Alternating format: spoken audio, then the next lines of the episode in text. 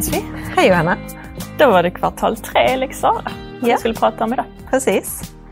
Hur många har vi haft? Sex eh, utredningar. Och en som har gått till IVO. Mm. Det är det enda du gör, pysslar med Lex Sara. Det är i stort sett eh, faktiskt. Nej då, men det, jag vet ju att det tar lång tid att göra ordentliga utredningar. Mm. Det tar mycket, tar mycket längre tid än vad man tror att det ska göra. Ja. Mm. Men viktigt jobb. Absolut. Men vi kör igång. Ja. Eh, om jag läser till här i början så säger jag att personal släppte in obehöriga på boendet och tog med dem in på kontoret och in i två kunders lägenheter där läkemedelsskåp öppnades. Berätta, vad var det som hände? Jo, det var så att det var en personal som släppte in eh, två vänner på ett boende eh, och eh, tog med dem in på kontoret och, och sen eh, även in i kunders lägenhet. Och öppnade med ett läkemedelsskåp då. Mm. Men är det så liksom att man aldrig får lov att ta med någon in? Eller? Nej, det är ju, alltså det, det är ju en arbetsplats. Eh, och sen är det också den enskildes egna bostad, så definitivt inte. Mm. Nej. Så det, blir, det man gör på ens arbetstid bör ju kanske inte vara att umgås med vänner Nej, Så. precis. och, och Nej. ta in någon i någon annans lägenhet när de ligger och sover, för det var så det var. va? Ja, precis. Det är ju... eh, Ja. Nej, det är ju absolut inte okej. Nej. Nej. Och vad gör man åt det? Det man har gjort här då är att man har gått igenom eh, vilka som får vistas på kommunala vård och omsorgsboende. Så att man, har, man ska veta om det. Att det är ju de som jobbar inom kommunen som har liksom någon anledning till att komma dit. Men också att det är kunderna på boendets vänner, och anhöriga och bekanta. Som, Och sådana saker är väl viktigt för alla att prata om. mm. För jag, tr- jag tror för några år sedan hade vi också där man, ja men det, blev eh, efterhand var det liksom accepterat till och med att tvätta sina egna kläder på arbetet Mm. och så.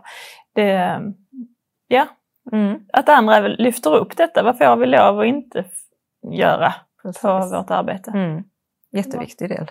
Och sen Mm. skrev du också åtkomstkontroll av läkemedelsskåp och kontrollräkning av läkemedel. Ja, precis. Och det är ju så nu att det, är- nu har man ju de här sitskorten som man öppnar eh, läkemedelsskåpen med, så man kan se exakt vem som eh, har öppnat det och hur länge det har varit öppnat. Eh, Och sen räknar man ju också då om så att det inte hade försvunnit några läkemedel, och det Mm. hade det inte. Det var skönt i alla fall. Och i samband med det så gick man ju också igenom det här med vilka skyldigheter som ingår i, i anställningen. Mm. Mm. Mm. Mm. Sen hade vi att personal låste dörren till matsalen så att en kund inte kom in när de andra satt och åt. Man menar den eh, gemensamma matsalen. Ja, man inte kom in. Ja. Mhm. Och då räknas det ju som en tvångs och begränsningsåtgärd. Man får inte låsa in eller låsa ut eller låsa fast. Nej. Eh, och där blev också att man gick igenom, vad säger lagen om tvångs och begränsningsåtgärder eh, och eh, utbildning inom lågaffektivt bemötande. Men varför gjorde man det för, förresten? Varför låste man ute? Alltså det var en kund som, som, hade, som var orolig och, och som, eh, Som, som man tänkte skulle störa ja precis. matron. Mm, mm, Okej. Och så blev det lite, Ja. lite fel där. Precis. Så det är ju viktigt att prata om vad man får och vad man inte får göra. Mm. Och, och jätteviktigt liksom att sånt här lyfts så att det blir en dialog. Eh, Och ha en diskussion, hur gör vi nästa gång den här Ja. personen då är orolig? Hur kan vi hjälpa Mm. han eller hon som är orolig? Så i detta fallet så upprättar man också en handlingsplan. Ja. För. För vi får ju aldrig hamna i det läget heller att man säger ja men det är klart att vi ska öppna och släppa in och så blir det kaos. Nej, Så vi behöver ju ha en plan för hur det ändå kan vara lugnt för de andra. Ja, precis. Ja. Mm.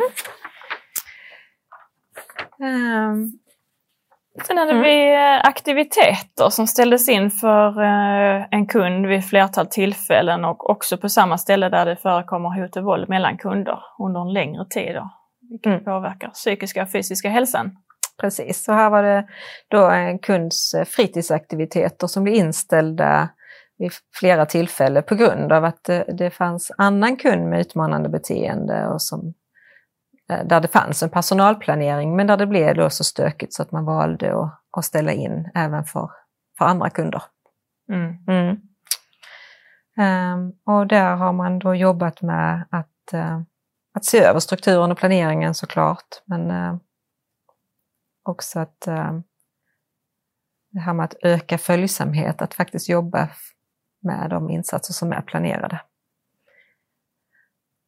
Eh, och ja, och det hade ju förekommit en hel del hot och våld också mellan kunder och det är ju någonting vi har sett i, i ganska många eh, avvikelser under 2022. Och eh, det är ju inte okej okay att bli slagen eller hotad i, i sitt boende.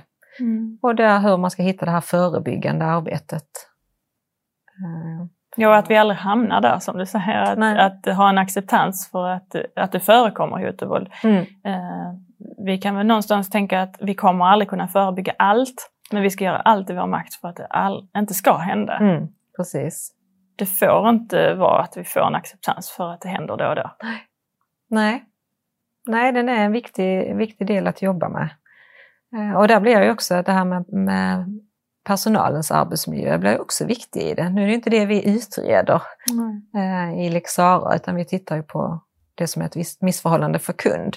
Men, men det är ju viktigt att vi har liksom en bra struktur och tydlighet och att vi jobbar förebyggande um, för att skydda alla kunder.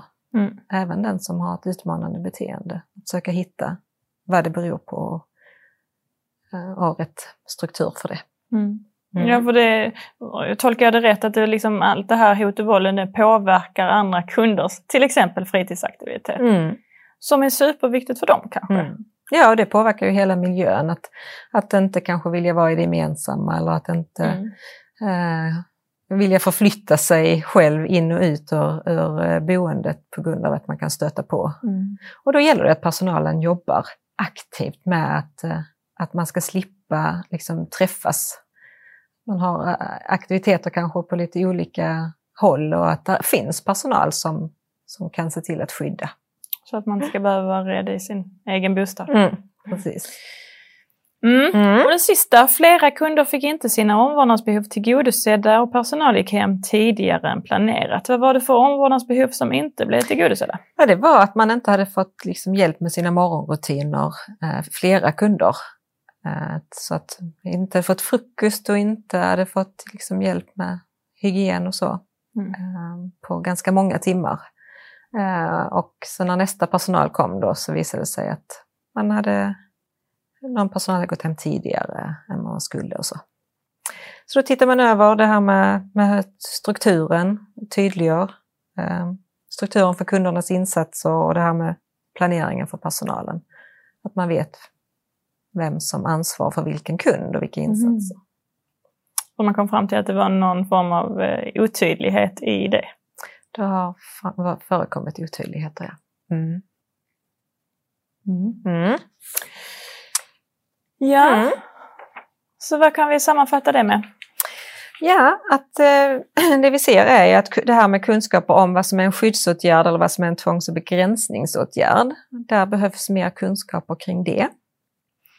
Eh, och eh, det vet vi ju, eller vet vi ju, vi kan ju säga att det finns eh, ganska mycket på, i handboken. Mm. Vi kan ju tipsa om det diskussionsmaterialet som ligger där från Socialstyrelsen. Mm. Ligger kopplat till rutinen och samma med en film. Precis, så rutinen tidigare. kring skyddsåtgärd. Och sen så ligger där är, ja. är bra. Och är det någon som räknar snabbt nu så tog vi ju inte upp sex läxar som vi nämnde från början.